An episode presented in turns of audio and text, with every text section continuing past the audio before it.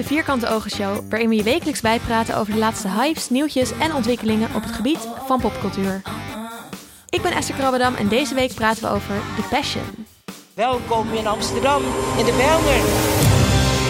Wij vertellen hier vanavond het inspirerende verhaal van een persoon die juist die mensen in zijn armen sluit, in onze ogen kijkt en ons ziet zoals we zijn. Voor wie huidskleur, sociale status of religieuze achtergrond geen verschil maakt. In zijn verhaal We zijn er een tijdje uit geweest, maar dit paasweekend zijn we bij je terug om te praten over onze gedeelde passie, The Passion. Flauw.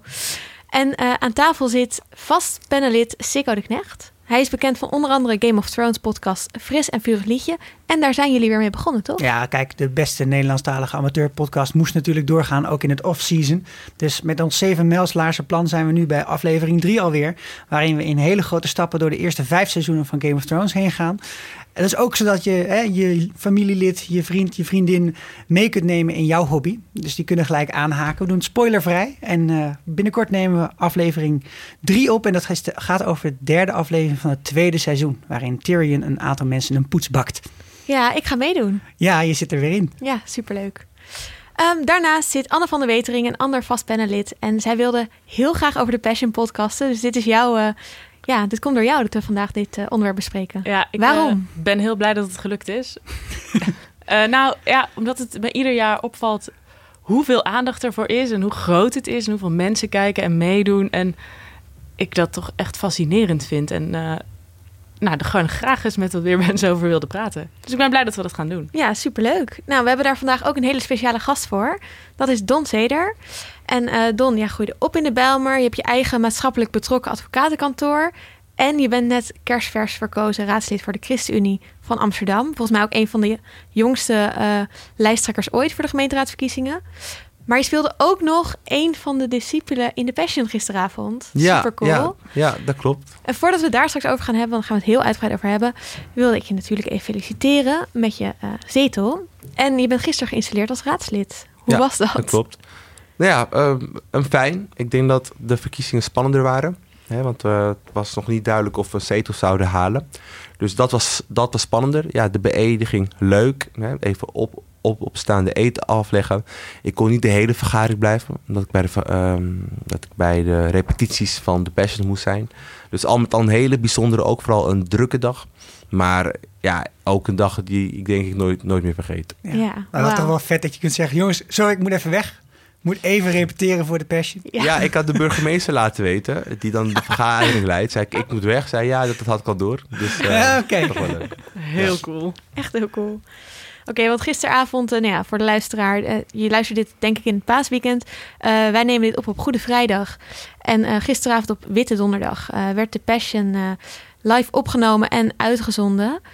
Ehm, ja, ik wil eigenlijk wel gewoon een beetje van jullie horen waarom je dit zo bijzonder vindt. Ik zelf, eh, ehm, dit was wel de eerste keer dat ik echt de hele The Passion keek. Maar eh, ik ben wel opgegroeid met rond Pasen altijd het wel een beetje hebben over dit verhaal. En vooral Jesus Christ Superstar kijken. Wat sowieso een van mijn favoriete films ooit is. Jullie eh, hebben eh, vast al wel vaker gehoord dat ik best wel van musicals hou. Nou, dit is een rockopera. Oh, was me nog niet opgevallen. Nee. Ehm, en ja, ik heb ook wel, we gingen wel naar de kerk vroeger. Ik ben nu, doe eigenlijk nu niks meer met religie, maar ik heb er wel heel erg het gevoel, nou ja, het zijn echt hele mooie verhalen. En heel bijzonder dat zoveel mensen daar hoop uit putten, daardoor geïnspireerd raken. Ehm, en daardoor, ja, ik heb ook geschiedenis gestudeerd. En dan merk je ook hoeveel invloed de Bijbel en die verhalen door de hele geschiedenis heen hebben gehad op mensen. Ehm, dus ik, ja, ik heb altijd wel een bijzonder gevoel bij Pasen en bij dingen als The Passion. En zeker als je dan, nou ja, zoals ik gisteren kijk, zoveel mensen meelopen, zoveel mensen tegelijk kijken, zoveel mensen boeiende verhalen erbij hebben. Plus musical, muziek. Nou ja, wat dat betreft past het heel erg in mijn straatje. Oh, en nummers van Marco Borsato, dat weten jullie ook, luisteraars, denk ik. We hebben ook een Marco Borsato special gemaakt. Er zaten twee nummers in van Marco Borsato, dus dat eh, was ook helemaal in mijn straatje. Sikko, hoe heb jij eh, gekeken? Hoe ik heb gekeken? Nou, ik heb vanochtend gekeken, want gisteravond was ik bij Pieter Derks. Dat was erg leuk, in Utrecht. Maar ehm, ja, mijn geschiedenis met het eh, paasverhaal komt, is eigenlijk begonnen bij eh, Life of Brian van Monty Python. En helemaal niet eh, aan de andere kant van het spectrum. Ik ben meer van de heidense tak. Maar ik voel wel heel erg dat de verbondenis met jou, uh, Esther, via Jesus Christ Superstar. Want dat vond ik namelijk wel ook echt een geweldige rock opera. Heb ik ook vaak gespeeld op piano en dat soort dingen. En het is pas eens heel kort dat ik uh, ook jaarlijks naar de Matthäus ga. En de, dit was denk ik de eerste keer dat ik de Passion echt heb gekeken. Ja, Anna, al die invloed van jou. Ja, nou, maar ik ben wel totaal niet opgegroeid met dit verhaal. Dus misschien komt het daardoor dat ik het dan zo interessant vind. Want toen ik het voor het eerst zag, dacht ik eigenlijk... oh ja, dit verhaal... Ik ken het wel, maar... komt me bekend het, voor. Het komt me bekend voor. Maar, ik ben, nee, maar ik heb, het is niet een verhaal wat bij ons thuis verteld werd of zo. Maar je kunt er ook niet echt omheen. Maar dus, dus dat heb ik ermee. En um, ja, de Matthäus Passion, ben ik één keer heen gegaan. En dat vond ik zo lang en, en, en saai eigenlijk. Dus dat, dat is me ook niet helemaal gelukt. Dus ik denk eigenlijk dat juist uh, deze vorm met zoveel spektakelgeweld eigenlijk uh, wel geschikt is om het verhaal bij mij te krijgen. Nou, Don, uh, hoe heb jij het gisteren meegemaakt? Ja, ik zelf was ook erg onder de indruk van het productiewerk. echt een gigantisch spektakel. Ik ben een paar maanden geleden gevraagd of ik mee wou doen als een van de discipelen. ik, nou ja, leuk. Maar om dan echt te zien wat het dat allemaal inhoudt en wat er allemaal bij komt kijken. Je hebt, uh, er zijn 20.000 mensen die dan komen kijken. Je hebt een groep van duizend mensen die, die een kruis van punt A tijdens het verhaal naar punt B brengt. Je hebt vooropnames, je hebt het, je hebt het Belmergebied die volhangt met camera's. Je hebt Jezus die op het podium staat, maar op een gegeven moment ook op het dak van de Amsterdamse uh, ja. um, Arena binnen een tijdsbestek van een paar minuten. Ja, dus ook gisteren, terwijl ik al wel wist hè, wat de scènes waren, toch wel even stilgestaan bij het feit van, goh, dit is wel heel groot. En ook echt voor Nederlandse begrippen. Uh, logisch ook dat het format nu volgens mij het is al een keer in Amerika opgevoerd.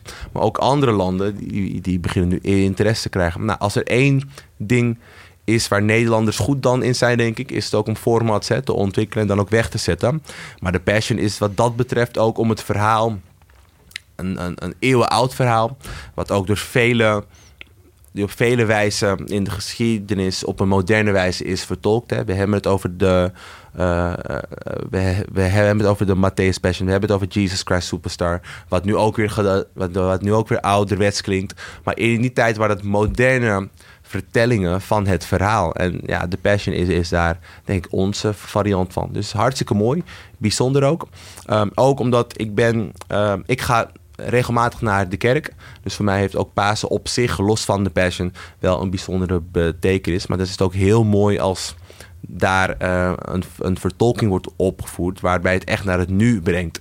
En ook de lessen daarin, die volgens mij niet alleen gebonden zijn aan, het christendom of mensen die geloven, maar echt hele bijzondere thema's die we vandaag de dag uh, ook met elkaar waar je ook van vandaan komt met elkaar voeren. Thema's zoals elkaar zien. Hè? Dat thema was ook gisteren. Ik zie jou. Nou, dan zie je dat, dat, dat het erkennen van elkaars pijn. Uh, maar ook liefde, ongeacht waar je van, van, van vandaan komt. Uh, verraad, verdriet, spijt, hoop.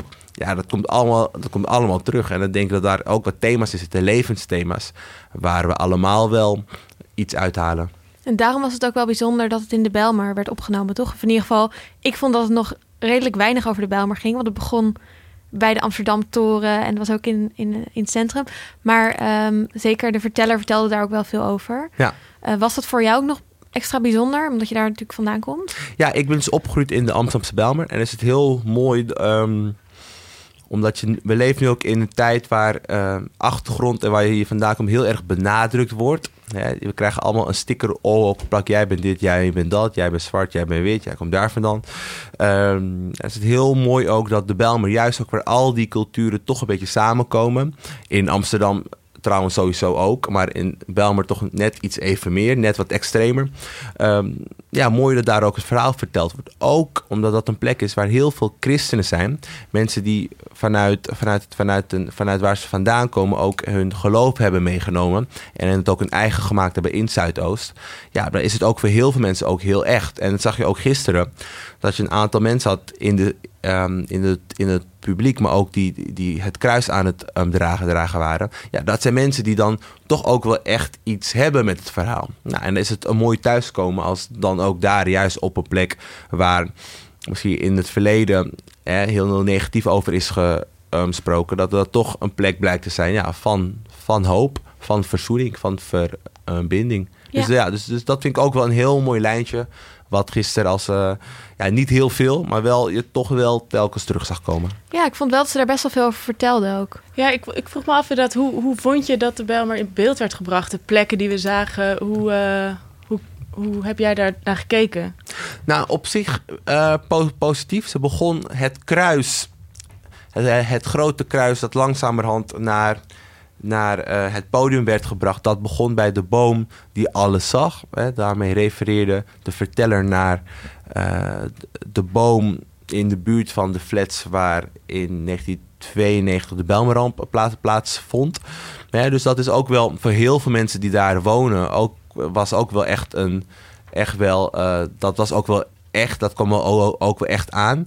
Ehm, ja, dus dat was bij mij iets, want ik wist nog niet dat ze dat, of dat wist ik wel die, die dag, maar toen ze dat voor het eerst vertelde, was van wow, is wel echt, wel echt voor mij dan. En, dan, en als ze vanuit daar een- het verhaal weten te verbinden aan een eeuwenoud verhaal, daar een hoop, verlies, maar toch kracht uit weten te halen, ja, dan vond ik vond het heel mooi in elkaar ver, eh, verweven. Ja, bijzonder. Ja, het is ook een hele klassieke manier om het verhaal te vertellen. Het is Matthäus Passion is een oratorium. Je hebt een verteller nodig. Daar is nu Norrie Bijer voor gekozen.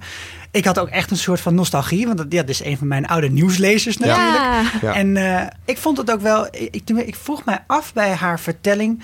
Tot in hoeverre zij zelf had meegeschreven aan het verhaal eh, of niet. Je zag wel dat er een autocue liep, maar daar kan ze natuurlijk zelf ook voor hebben geschreven. Maar ik vond wel, zeker bij de opening, eh, noemde wel eventjes een paar, eh, paar zaken die er wel toe deden. Ze, ze had Het was echt, ook persoonlijk, Ja. toch? ja, en ze had Ja. ook echt een, een zin ertussen zitten van ehm, de, de, de rijkdom die door het slavernijverleden is eh, ontstaan, die zie je hier weer terug in de mensen die dat slavernijverleden mogelijk hebben gemaakt, die hier nu allemaal wonen. Het was zo'n soort uitspraak deed ze, waardoor ik dacht, zo, dat, eh, dat, dat is wel durf, om dat zo in de eerste openingsscène even gewoon op tafel te leggen. En onderdeel te maken van een verhaal wat zo'n heel typisch oud, ja, West-Europees christelijk verhaal is.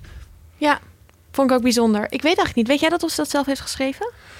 Ze woont wel, dat heeft ze ook aangegeven, dat ze al een Ja. aantal eh, jaren in... 33 eh, jaar. 33 jaar was het, ja, in de Bijlmer woont. Dus ik kan me niet voorstellen dat ze dat, dat, dat, alleen maar voor haar opgeschreven is. Ik denk ook dat ze ook wel... Dat ze ook wel snapt wat het gevoel is wat beleeft binnen de Bijlmer. Ik denk dat ze daar zeker ook wel zelf een aandeel in heeft gehad. Ik kan me niet voorstellen dat ze dingen heeft gelezen waarvan ze misschien zelf denkt... ja, dat had ik hier iets anders gedaan. Juist ook omdat zij als verteller daar staat. En ja, toch een beetje ook dan weer de Bijlmer vertegenwoordigen. Dus ik, ik, ik denk dat ze daar wel, wel een vinger in, in de pap heeft gehad. Ja. Ik geloof ook dat Brainpower zijn teksten zelf had geschreven. De grote klucht, ja, het blijft apart. Als ik een ander laat barsten, breekt mijn eigen hart. En wie niet kijkt naar zijn broeders, heeft een blinde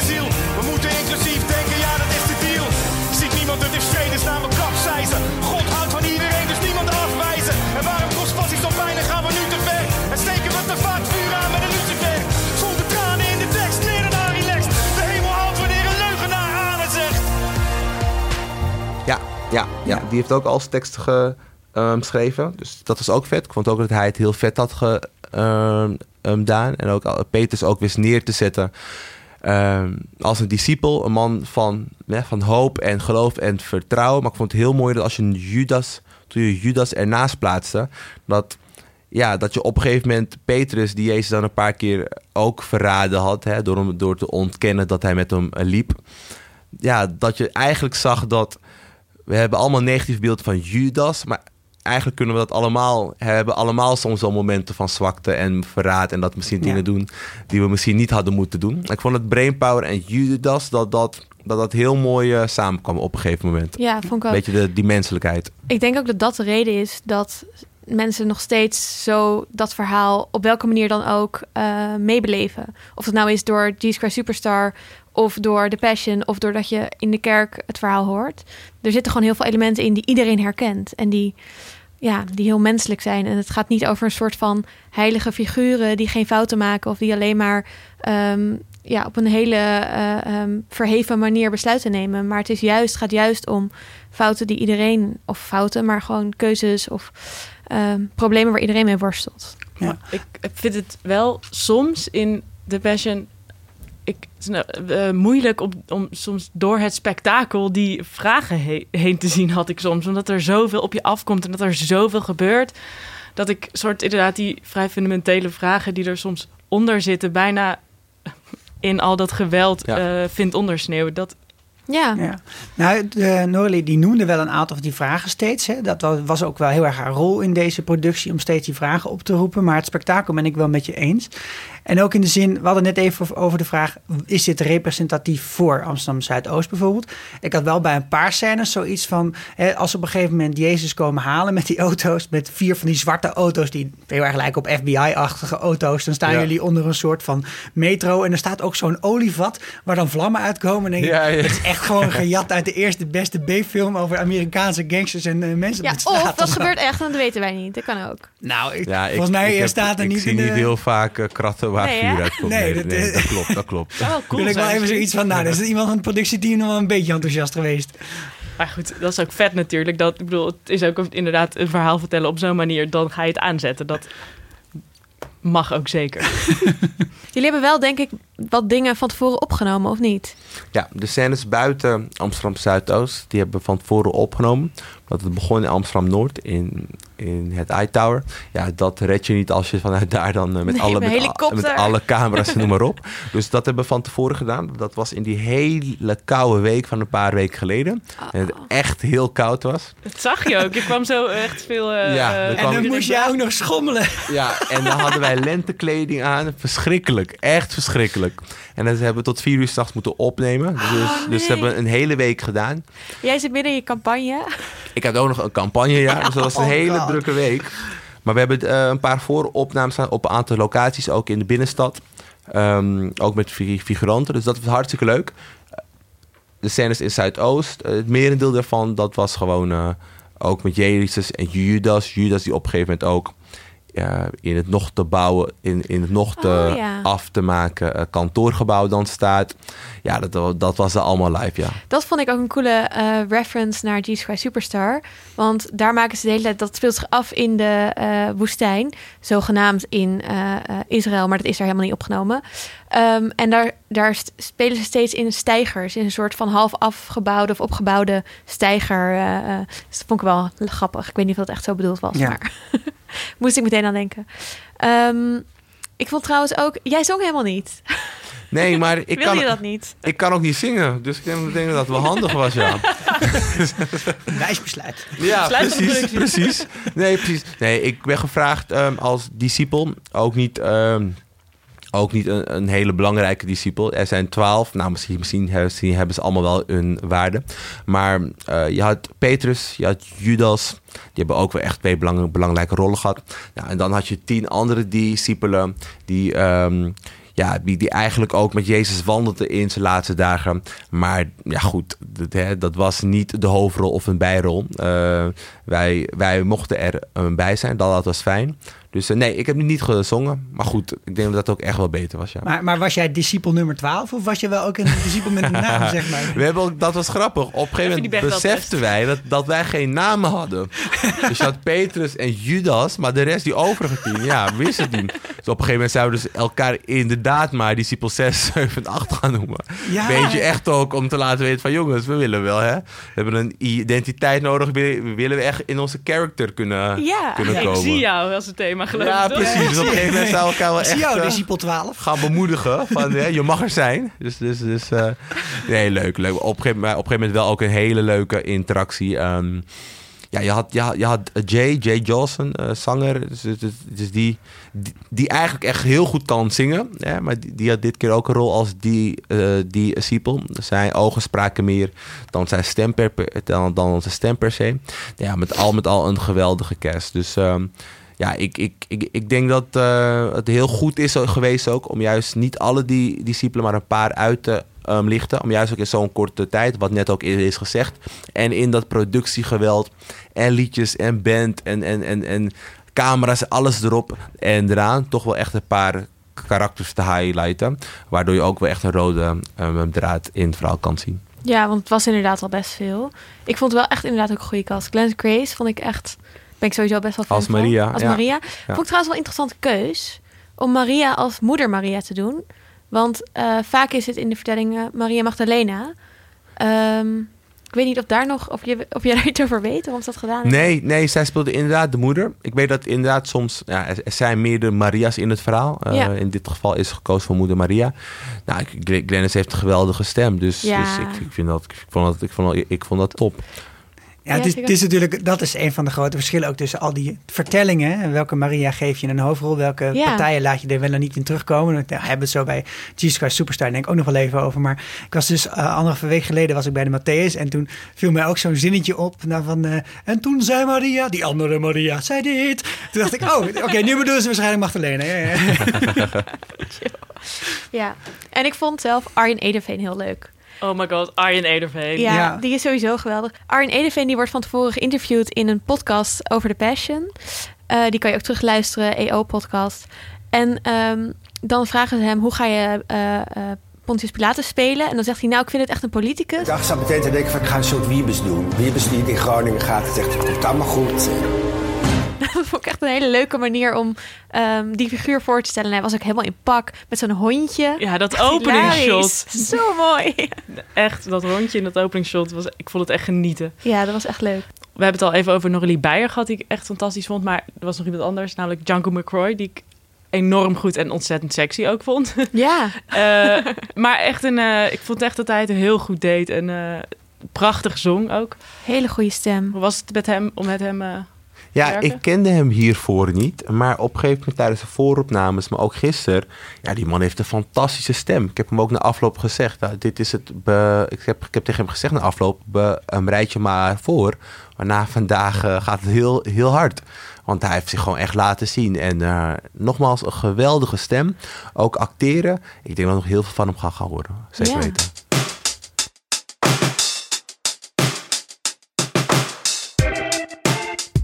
Deze podcast wordt mede mogelijk gemaakt door Storytel. Dat is een app waarmee je onbeperkt luisterboeken kunt luisteren. Dus luister af en toe in plaats van een podcast ook eens een luisterboek. Het gebruik van Storytel kost 10 euro per maand, maar speciaal voor luisteraars van de Vierkante Ogen Show heeft Storytel een kennismakingsactie. Via www.storytel.nl slash vierkante ogen kan je een maand lang gratis luisteren. En we hebben het vandaag natuurlijk over The Passion. In die context wil je misschien wel weer eens de Da Vinci Code van Dan Brown herlezen. Daar gaat het over de vraag, had Jezus nou wel of niet een kind? Ehm, die staat erop. Er staan ook hoorcolleges op over de Bijbel. Het boek De Bijbel voor Ongelovigen van Guus Kuijer. En even iets heel anders. De nieuwe Carlos Ruiz Zafón staat er ook op. De Gevangenen van de Hemel. Het is eh, best wel een, eh, een hitje. Ehm, het derde deel van zijn serie, dus die kan je ook luisteren. Dus ga naar www.storytel.nl slash vierkante ogen en luister een maand gratis.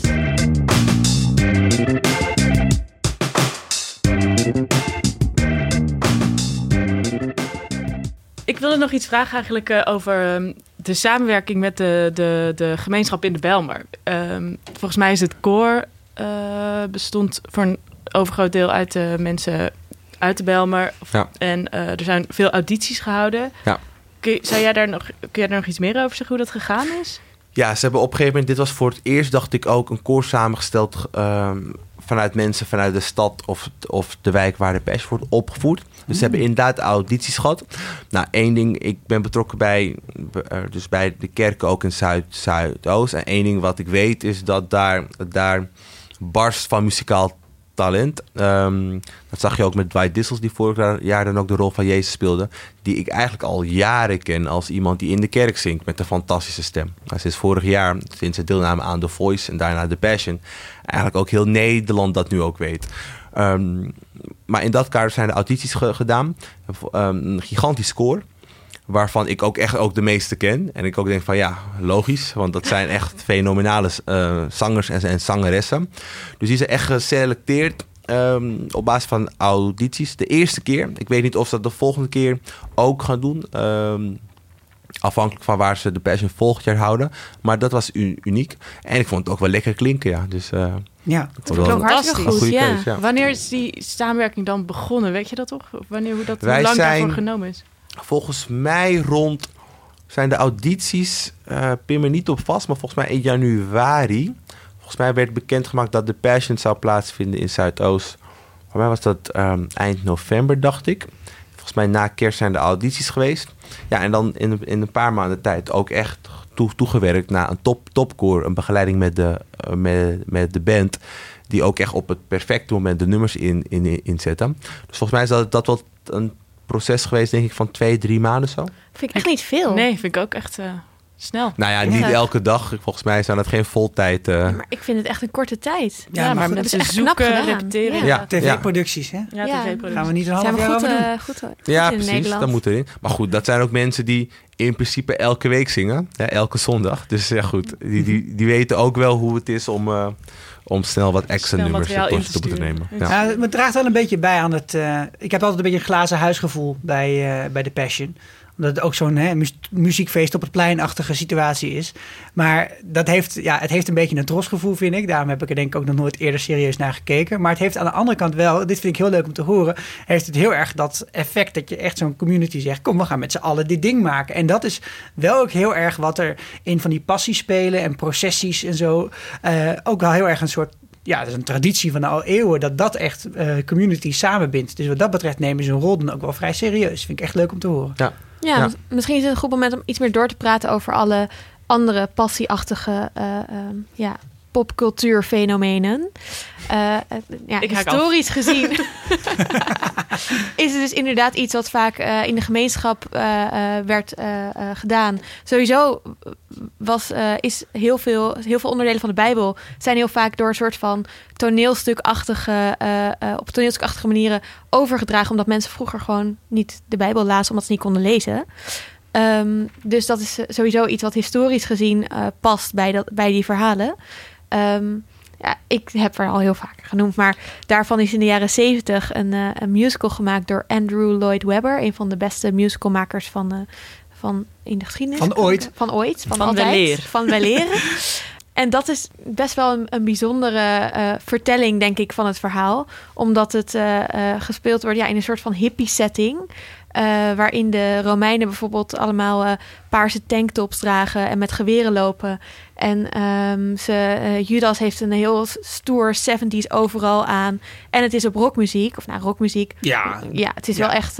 ik zal hier even ook een, een, stukje onder, onder editen. editen. Um, dus ja, ik, ik, ik vind het zelf heel leuk. maar ik, ik vraag me af ik weet eigenlijk niet zo goed hoe het in de, in de kerkgemeente werd ontvangen. Ik weet niet, misschien kun jij er iets over zeggen, Don? Dat, uh... Nou, ik ga heel eerlijk zijn. Ik heb, Jesus, ik heb die film volgens mij één keer in mijn leven gezien. Dat is ook een hele lange tijd geleden. Ik kan me inderdaad die overal her, herinneren. En een paar nummers.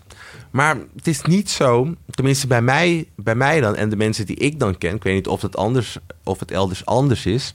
maar um, ik denk niet dat de kerk per se Jesus Christ Superstar als... als als grote referentiepunt heeft als het gaat om Pasen. Dat dat. Nee, wat, wel, wat ik wel merk is The Passion of the Christ. Hè, de film die Mel Gibson uh, tien jaar geleden gemaakt heeft. Daar merk ik wel dat heel veel mensen dat dan willen kijken. Um, dus dat is, maar dat is ook weer een moderne, ja, niet een moderne vertolking, maar een moderne verfilming van een oud verhaal. Maar ik merk dat daarbij, als het gaat om Pasen, dat heel veel kerken, of tenminste mensen die ik ken, dan zeggen: Weet je wat, als soort traditie, wij gaan, uh, wij gaan The Passion of the Christ kijken. Maar Jesus Christ Superstar, nou ja, het is dat je het nu zo zegt. Dus ik denk, misschien ga ik hem morgen ook nog weer even, even kijken. Want ik heb hem één keer gezien, dat weet ik wel. Maar uh, volgens mij was ik, was ik 14 of zo kan me nog flitsen heugen. Maar het is niet zo dat, dat, dat ik dat zeg, net als Home Alone rond kerst. Nou, dan moet ik elke keer ja. zien. Nou, voor mij voelt het wel een beetje zo. Maar ik denk dat daarom misschien uh, Jesus Superstar ook wel juist heel belangrijk is. Dat is mensen die eigenlijk normaal niet uh, naar uh, dit verhaal met elkaar over dit verhaal zouden praten rond Pasen of het verhaal überhaupt kennen, dat die door die film uh, of door die musical toch weten hoe het hele verhaal zit. Ja. Anne, jij kijkt naar heel. jij denkt niet dat dit zo werkt? Nou, vast wel. Nee, wel. Ik ben gewoon meer fan van Home Alone. nou, kijk, de, de, volgens mij is het wel een, be een, bekend gegeven dat toen Christ Superstar uitkwam als musical in 1970 en als film een paar jaar later, dat het echt wel op uh, flinke weerstand stuitte. En dat is ook niet raar. Want kijk, er waren twaalf discipelen en Maria Magdalena. En die, eh, daarvan zijn er vier verhalen zijn er verwerkt in de Bijbel. Zoals wij hem nu kennen, in eh, Nederland dan in ieder geval. En de andere acht hadden ook een verhaal. En dan waren er ook nog de Romeinen die een verhaal hadden. En ook eh, de, de Joodse gemeenschap uit die tijd had een verhaal. Ja, en dat is in Jesus Christ Superstar is daar natuurlijk een hele andere keuze in gemaakt. Als je opent met, het, met Judas die een verhaal vertelt. Als je Maria Magdalene prominent een positie geeft met eigenlijk het allerbelangrijkste, grootste nummer uit, eh, uit die hele film. En aan het einde Judas nog even het lofzang laat zingen. En laat vertellen dat hij eigenlijk wel een goed idee, dat zijn idee was toch wel een goed idee. Ja, dan ben je wel even flink aan het, uh, aan het uh, Ja, in de musical is het een beetje van... Ja, weet je, omdat ik het heb gedaan... Ja. ben jij de grootste... uh, Je mag me dank- je ja, mag me precies, dankbaar en zijn, hij geschiedenis is zo groot geworden. Ja. En daar hebben ze dan een nummer rondom gemaakt. Een soort shownummer. Mm, every time I look at you, I don't understand why you let the things you did get so out of hand. You'd have managed better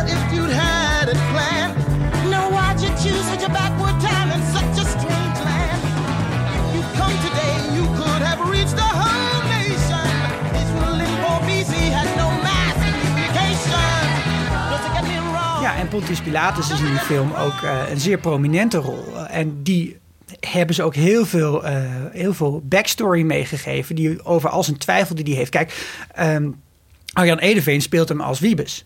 Dat is leuk en aardig, maar in eh Jesus Superstar speelt Pontius Pilatus een getormenteerde landsheer eigenlijk. Die tegen wil en dank een bepaald soort rol moet vervullen. En dan bo- bovenin heb je ook nog koning Herodotus die erin zit. Als een of andere soort dikke, vette Californische hippie bij een zwembad. Ja, dat zijn nogal beelden die je op een, eh, op een gemeenschap afstuurt natuurlijk. Knijt de goede muziek, maar... De Ja, nee, zeker. En voor de luisteraar, Sikko heeft tien pagina's aantekeningen gemaakt. Maar ik, ik vond wel, kijk, de passie, de, elk moment dat zij een nummer eh, inzetten, is op hetzelfde moment als een Jesus Christ Superstar nummer zit. Ik, ik vind eigenlijk de passie gewoon de Nederlandse Jesus Superstar. Je vertelt dit verhaal aan de hand van typisch Nederlandse nummers. En ja, de keuzes, behalve dat Maria dan nu niet Maria Magdalene was, maar de moeder. Verder, ehm, ja, eigenlijk elke scène kan, is bij wijze van spreken bijna letterlijk gekopieerd, maar dan anders uitgevoerd. Dus in die zin denk ik wel dat Jesus Superstar best wel de manier waarop we nu dat verhaal in dingen als The Passion eh, neerzetten, heeft beïnvloed.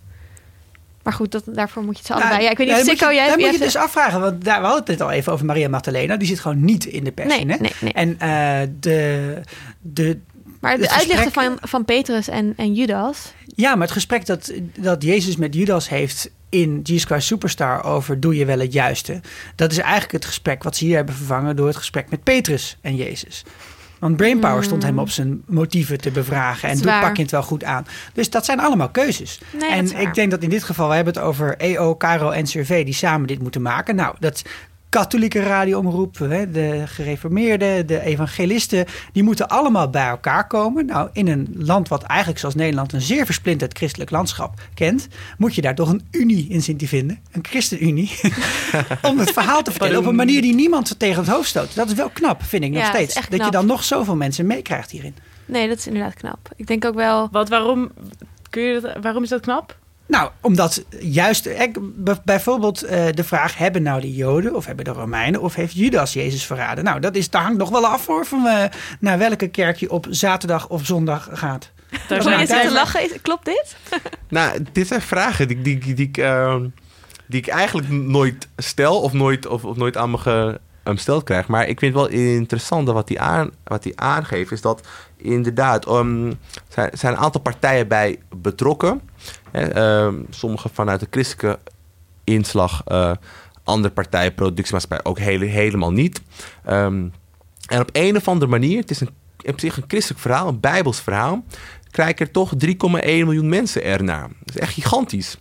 Ehm, dus ja, dus, dus, dus daar, ik, vind- ik vind het wel interessant wat erachter zit. Want je kan, je, ja, je kan enigszins kunnen zeggen, ja, het is, het is, het is afgeleid van Jesus Christ Superstar. Waarvan ik denk hè, dat een moderne vertolking van het oud verhaal, nou, daar denk ik dat je zeker gelijk in hebt. Ehm, ja, tegelijkertijd is het Bijbels verhaal, ja, ja, die scènes zitten daar ook gewoon in. Je kan, je kan, ja, je kan, je kan, er, je kan er moeilijk iets, ander, iets anders mee doen. Die gesprekken tussen Judas en Petrus, niet op deze wijze, maar eh, die zitten er wel in. Dus ja, dus ik denk dat, ehm, ik denk dat het mooi is. Ehm, dat zo'n eeuwenoud verhaal, wat misschien ook wel heel veel, heel veel stof, heel heel veel, heel stoffig is geworden voor heel veel mensen, dat dat toch ehm, telkens weer ehm, opnieuw uitgevonden wordt. En ik vind het ook wel, wel passen. Je ziet de Bijbel is op een gegeven moment ook in het Romeins vertaald. Dat heet, dat heet toen het Vulgaat.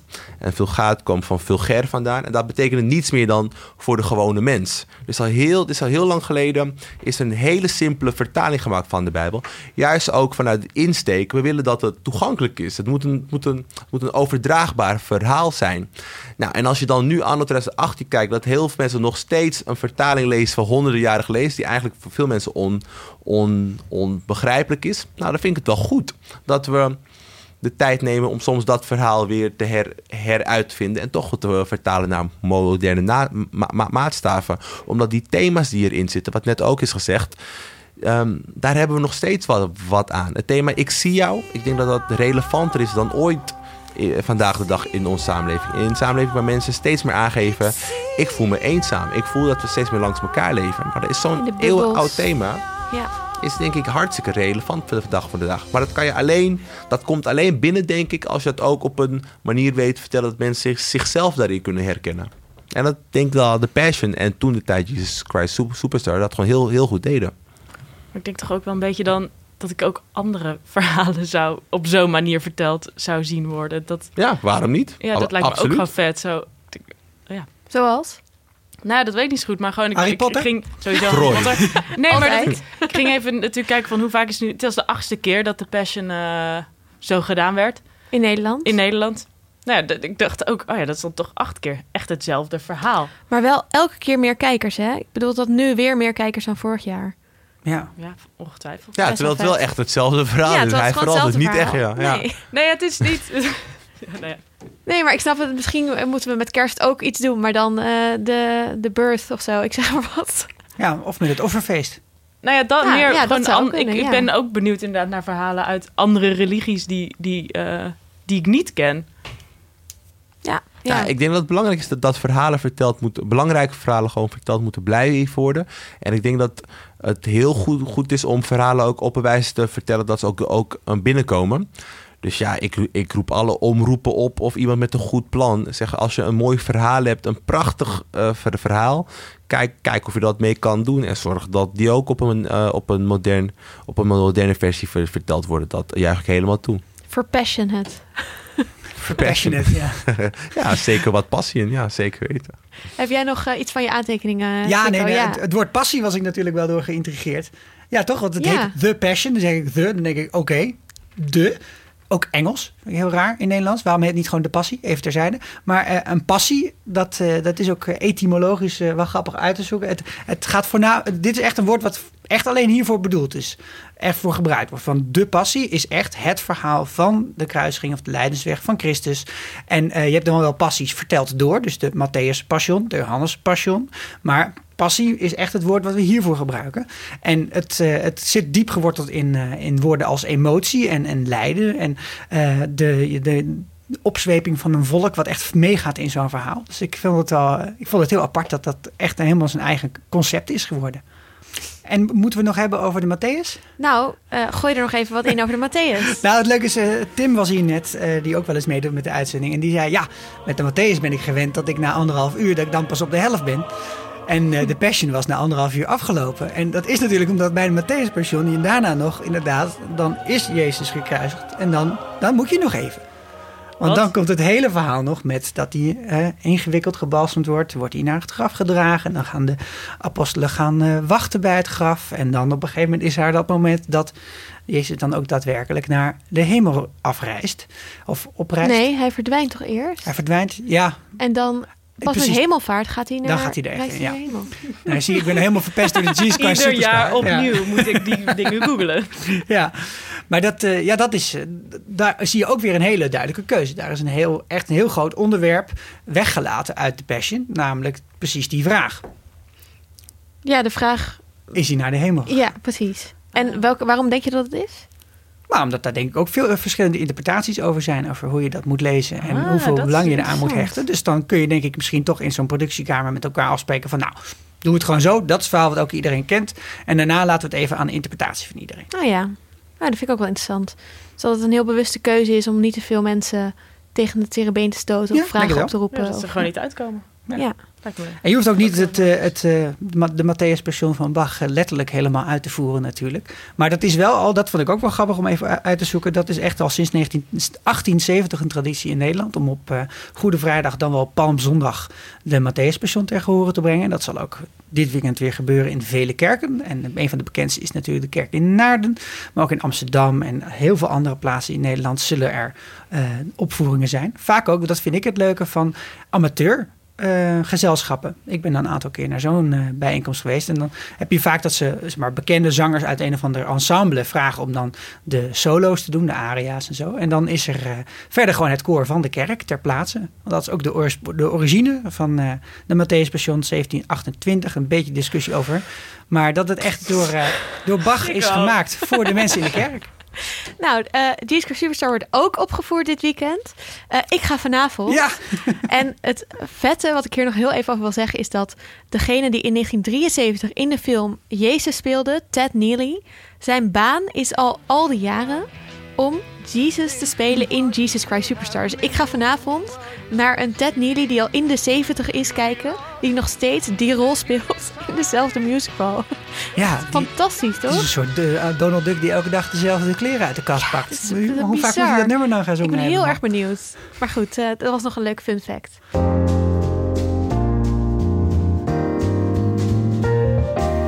Dan is het tijd voor de popcultuur tip van de week. Waar ik jullie allemaal wil vragen om één tip mee te geven aan de luisteraars. Een boek, een film, een serie. Iets wat jou heel erg boeit. En dan wil ik beginnen bij Dom. Nou, ik ga een tip meegeven. ehm, dat het mezelf ook ver, eh, ver verbaasde. De hoofdrolspeler van The Passion, Tommy Christian. Die heeft heel slim, vind ik trouwens. Maar die heeft vorige week heeft hij een EP uit, uitgebracht. en ik vond het een goed, een, een, goed marketingtruc. Tommy Christian, die ken ik als, ehm, al, hè, als, musical, als musical ac- acteur. Niet per se als eh, de zanger. Maar hij heeft dus een EP uitgebracht. Nou, ik heb, ik heb het beluisterd. Ik dacht, nou, ik geef het mee als tip. Want volgens mij eh, eh, er zitten wat mooie verrassingen in. Ah, Overigens goeie. wel vrij vet dat Tommy Christian Jezus Christus speelt. Hè? Dat we dat nog eventjes hebben benoemd. Ja, Absoluut. want? Nou ja, hij heet Christian. Oh, Oh ja. die had ik nog niet eh. En zijn EP die trouwens zoveel liefde. Kijk. Net een beetje als eh, Ruben Heijn van Wie is de Mol. Die ook precies op het moment dat eh, hij Wie is de Mol wint zijn eh, plaat uitbrengt. Ja, wat Kijk. een Slim. Ja, zo Ja, maar het is toch slim, jongens? Kom op. Anne, wat is jouw tip? Eh, Naomi Elderman, The Power. Het is een boek. Eh, het is een heel vet science fiction boek. The Het is Power. het is heel cool. vet. Ik heb We- het ook gelezen. Ja, ik ben we- er nog in bezig, maar we, we hebben het al, Esther en ik hebben het al een beetje over gehad. En eh, misschien dat we er nog een keer wat uitgebreider over willen praten. in deze show. Maar, maar waar gaat het boek Het over? gaat Gewoon over. even één ehm, zin. Het Doe gaat het. over dat vrouwen van de een op de andere dag opeens ehm, elektriciteit uit hun handen kunnen schieten. Waardoor de hele machtsbalans eigenlijk verandert tussen mannen en vrouwen. Waardoor vrouwen fysiek sterker worden door mannen. En het gaat over alle gevolgen die dat jaren na, eh, zeg maar de, de 20, 30 jaar na dat moment heeft voor eh, de maatschappij. Oké. Dat is heel interessant. En dan snap ik ook dat Margaret Atwood het... Ja, ja, precies. het is feministisch, het is duister. Het dystopisch, is, eh, ja, best wel dystopisch. fiction, maar het is inderdaad... En het wordt vanuit heel veel verschillende perspectieven verteld. Dat ook, ja, eh, mannen, vrouwen. Oh, Het is heel interessant. Het heet The Power. Het is echt de cool. power. Het is best wel een hit ook in Amerika. Het is- Een mega hit. Ja. Ga even naar bol.com. Ehm, ik ga een Netflix-serie aanbevelen. Die eigenlijk al drie seizoenen, twee, twee seizoenen heeft gelopen. En het derde seizoen is net begonnen op 9 maart. En die serie heet Love.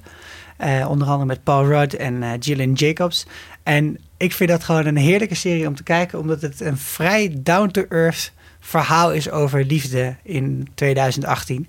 En eh, ja, ook wel vrij heftig grappig af en toe. Met Britta uit Community, toch? Eh, ja, dat kijk ik dus nooit, maar dat zal Oh, zeker zo zijn. Het, is onder andere ook gemaakt door Judd Apatow. Dus dat garandeert al wel een beetje dat het een leuke serie is. Maar de eerste twee seizoenen waren fantastisch. Ik ben nu met mijn vrouw de derde seizoen aan het kijken. En erg hard gelachen al. Goeie tip. Eh, mijn tip is de podcast A Witch Please. Dat is een podcast die gaat over Harry Potter. Ehm, Harry Potter was volgens mij niet genoemd deze aflevering, dus ik gooi hem er dan ook meteen even in. Huh? Dat heeft lang geduurd. Ja, het duurde wel lang. Ehm, het gaat over. Het, zijn twee eh, Canadese eh, academici, eh, twee, of twee vrouwen, die vertellen over. die lezen alle boeken en de films van Harry Potter. en hebben over elk boek en elke film een aflevering. En ze zijn super feministisch. Ze zijn heel woke. En ze hebben allemaal hele leuke itempjes zoals Granger Danger over vrouwen in het boek. En wat zijn de pedagogische technieken van de docenten en wat vinden we daarvan? Het huishelfactivisme van Hermione Granger. Daar gaan we met een labor specialist over praten. Ja, het is echt heerlijk voor mij ook. Leuke. Het is heel erg leuk. Ze vergelijken alle boeken en films. En dan gaan ze alles aflopen wat er anders is. En mijn favoriete rubriek is The Boy Who Narrated. Over hoe, waarom Harry. Het gaat eigenlijk over dat Harry best wel een beperkte narrator is. Dat alles vanuit zijn visie zien. Dan gaan ze daar een beetje over vertellen. Het is heel grappig. Witch please. En eh, daarmee zijn we het einde gekomen van deze aflevering van de Vierkante Ogen Show. Ik wil Sikko, Anne en Don heel erg bedanken voor jullie eh, wijze woorden. En eh, jij als luisteraar natuurlijk bedankt voor het luisteren. We zijn binnenkort bij terug met het tweede seizoen van de Vierkante Ogen Show. En daarin gaan we het onder andere hebben over Westworld komt een nieuw seizoen aan. Handmaid's Tale komt een nieuw seizoen aan. We willen een Hamilton aflevering opnemen. Ehm, en misschien heb jij ook nog wel tips of verzoekjes hiervoor. Laat het ons weten als je, als je tips, ideeën hebt. Popcultuurtips kan je ook delen. Die delen wij dan weer in de aflevering. En dat kan je doen via Facebook, via Twitter, het Vierkante Ogen. Of ons mailen naar de vierkante Ogenshow at gmail.com. Ehm, en geef ons ook nog even een review in je podcast app. Want dat helpt ons weer om eh, meer andere luisteraars te vinden. Dankjewel voor het luisteren. Doei!